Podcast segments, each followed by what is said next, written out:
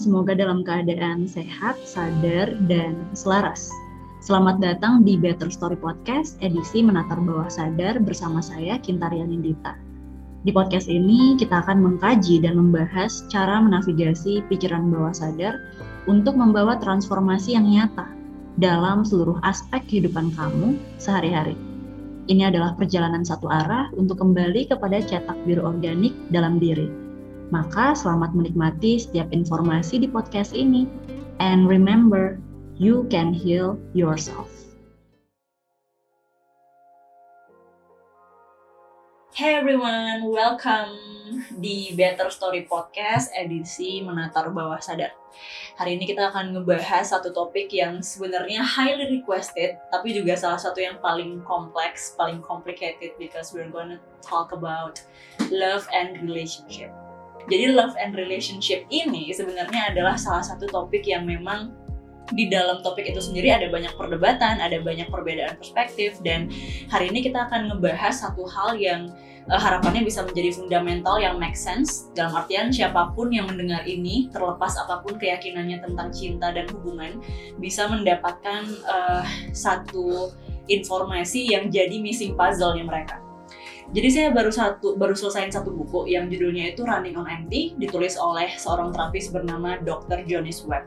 Dan beliau ini cerita tentang di bukunya itu cerita tentang progres dan juga pengalaman klien-klien yang dia pegang di mana dia ngerasa setiap kali dia selesai megang klien kemudian dia ngelihat progres mereka itu banyak yang gak menunjukkan perubahan yang signifikan dalam hubungannya ketika mereka datang karena masalah pernikahan atau karena masalah relationship lain-lain. Dan di sini ternyata beliau mendapatkan sebuah formulasi bahwa satu hal yang menjadi akar utama dari segala masalah percintaan dan hubungan relasi apa pun itu adalah kurangnya intimacy atau lack of emotional connection. Nah, di sini uh, beliau menuliskan satu buku yang pertama yaitu Running on Empty, di buku kedua Running on Empty No More dan di buku Running on Empty ini yang dibahas adalah tentang bagaimana pengabaian emosional yang semua manusia terima, mayoritas manusia alami pada saat ini di saat kecil itu akan mempengaruhi cara mereka melihat diri sendiri, kemudian cara mereka juga uh, menjalani kehidupannya, menavigasi langkah dan keputusannya.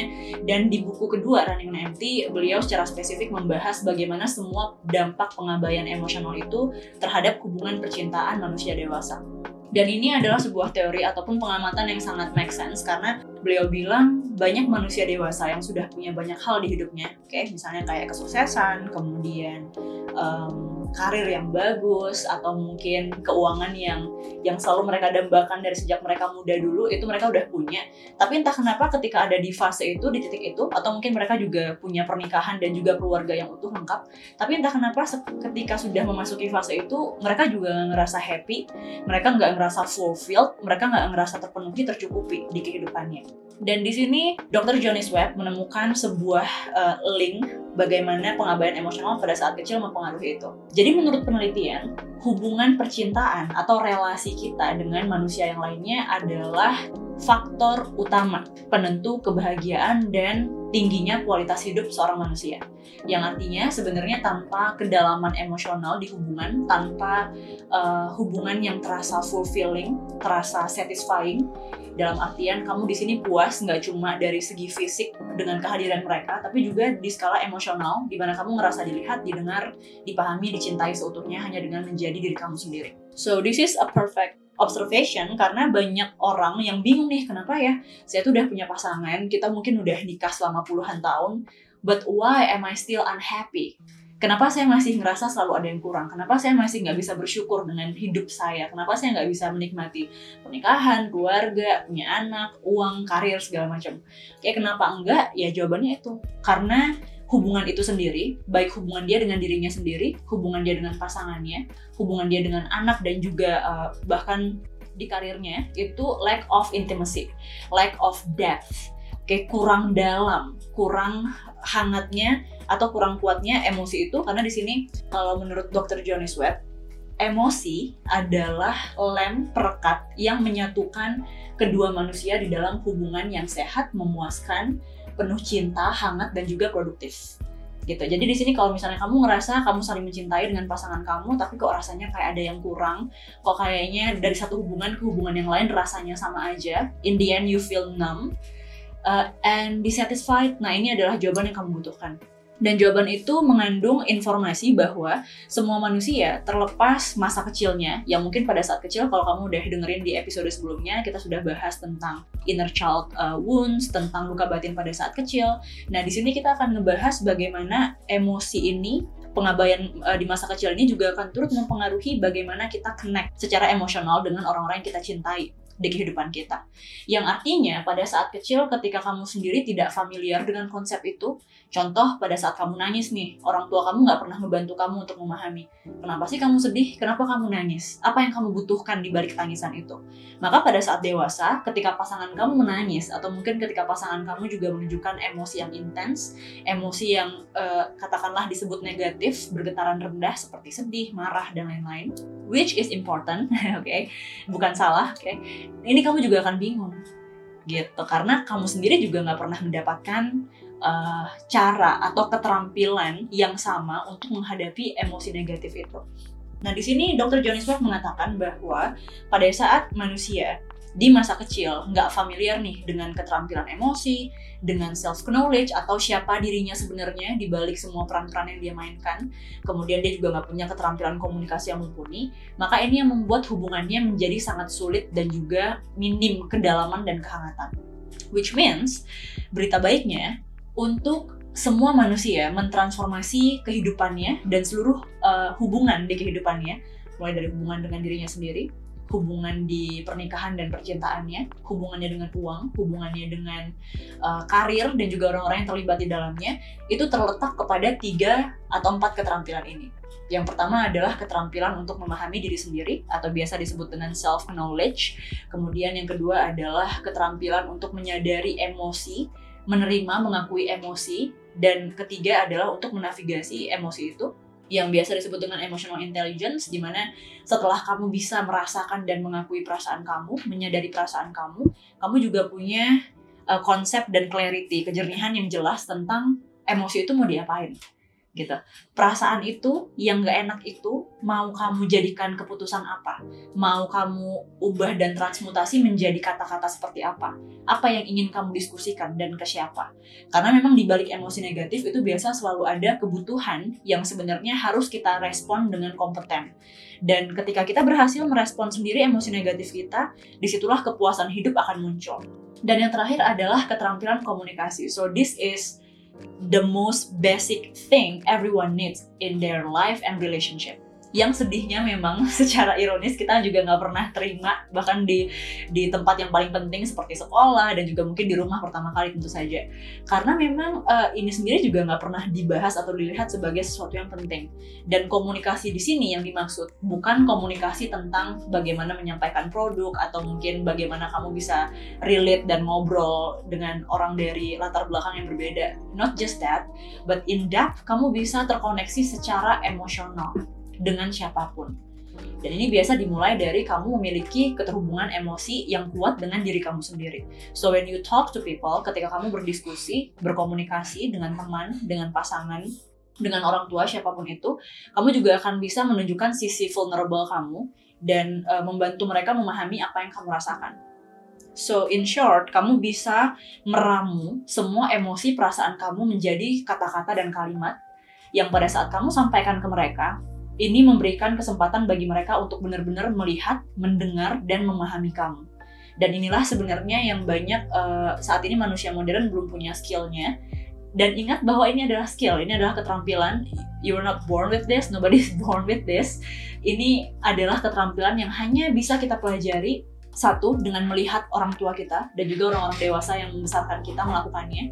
Oke, okay? seperti apa uh, hubungan mereka dengan diri mereka sendiri apakah mereka punya self awareness yang cukup? Kemudian seperti apa mereka berkomunikasi dengan orang-orang di sekelilingnya? How they treat each other in their marriage life or relationship? Ini adalah penentu pertama yang membuat kita bisa mempelajari dan menyerap konsep ini. Yang kedua adalah uh, keterampilan kita sendiri pada saat dewasa untuk menyerap konsep-konsep ini, mempraktekannya hingga menjadi sesuatu yang sangat natural So you can practice, kamu bisa berlatih, kamu bisa melatih diri kamu, kamu bisa mempelajari kembali uh, keterampilan ini. Walaupun mungkin kamu ngerasa kamu nggak pinter, semua orang bisa mempelajari keterampilan ini. Karena uh, ini serunya juga merupakan sebuah keterampilan yang hanya akan bisa kamu explore dan akses ketika kamu cukup berani untuk menghadapi konflik. So, nanti di sesi Love and Relationship di Menatar Bawah Sadar kita akan bahas lebih detail lagi tentang keterampilan komunikasi seperti apa yang bisa kamu akses, kemudian seperti apa kamu bisa membangun kembali hubungan yang dalam dengan diri kamu sendiri. So, you can talk to your loved ones, kamu bisa membahas hal ini dengan orang-orang yang kamu cintai, menyatukan, menyamakan visi kalian, kemudian going on the same direction karena inilah yang menjadi penentu bagaimana hubungan itu bisa terasa fulfilling dan produktif. Oke, okay? dan pada akhirnya kalau uh, saat ini kamu ngerasa kayaknya hubungan kamu tuh kayak stagnan atau mungkin kamu kayak nggak happy di dalamnya, sadari bahwa ini adalah undangan, invitation untuk kamu mulai melihat ke dalam dan meredefinisi ulang. Kira-kira kalau kamu masuk ke hubungan percintaan dan kamu boleh minta apa pun, sebenarnya apa sih yang kamu harapkan? Kenapa kamu ada di sana? Kalau memang ternyata hubungan percintaan ataupun pernikahan bukanlah sebuah duty, bukanlah sebuah kewajiban yang harus kamu endure, yang harus kamu pertahankan ketika kamu nggak suka pola yang ada di sana, sadari bahwa kamu boleh banget mengulang polanya kamu punya kesempatan dan kamu punya hak untuk mengubah pola itu. Kalau kamu ngerasa ada pola di hubungan kamu saat ini yang kamu gak suka, atau mungkin bikin kamu stagnan, atau mungkin bahkan menjauhkan diri kamu dan pasangan dari satu sama lain, karena di dalam self knowledge nanti kamu juga akan bisa mengeksplorasi apa sih yang kamu suka dan gak suka di dalam hubungan. Apa yang kamu inginkan dan tidak kamu inginkan di dalam hubungan. Standar seperti apa yang kamu punya dalam hubungan. Pasangan seperti apa yang kamu nilai sebagai pasangan yang sehat untuk berda hidup berdampingan dengan kamu dengan organik blueprint kamu. Dengan cetak biru organik dalam diri kamu kemudian komunikasi seperti apa yang kamu inginkan what kind of sex life. Kalau misalnya kamu udah sexually aktif, kamu udah di pernikahan, uh, sex life seperti apa yang kamu expect dan harapkan dari pasangan kamu. And then you can also ask, what boundaries do you have? Ini salah satu yang penting karena ketika kita sendiri nggak pernah tahu nih batasan kita apa, maka hubungan itu sendiri juga akan dipenuhi dengan kemarahan yang tidak bisa dipahami. Why? Because you don't even know that it hurts you. Pada saat pasangan melakukan sesuatu, kemudian mungkin secara uh, normalitas atau mungkin di society itu dilihat sebagai sesuatu yang wajar tapi itu bikin kamu sakit hati, kamu boleh sekali menanyakan ulang, mengkaji ulang, mengakses ulang, mengaudit hubungan itu.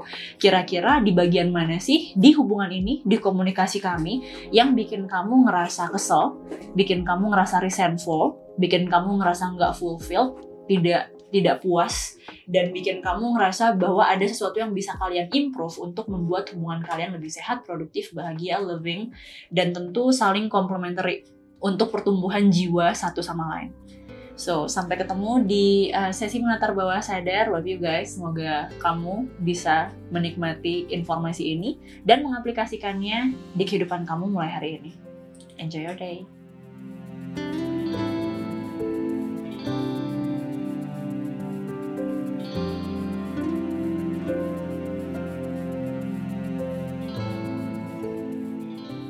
Hey everyone, terima kasih sudah mendengarkan seluruh informasi di podcast ini. Selamat mengaplikasi dan semoga setiap informasi membawa perubahan yang nyata dalam hidup kamu dimulai dari saat ini. Silahkan share podcast ini ke orang-orang yang kamu cintai atau siapa saja yang kamu rasa membutuhkannya. Jabat erat, peluk hangat. Sampai jumpa di episode berikutnya. Love you guys and have a beautiful day.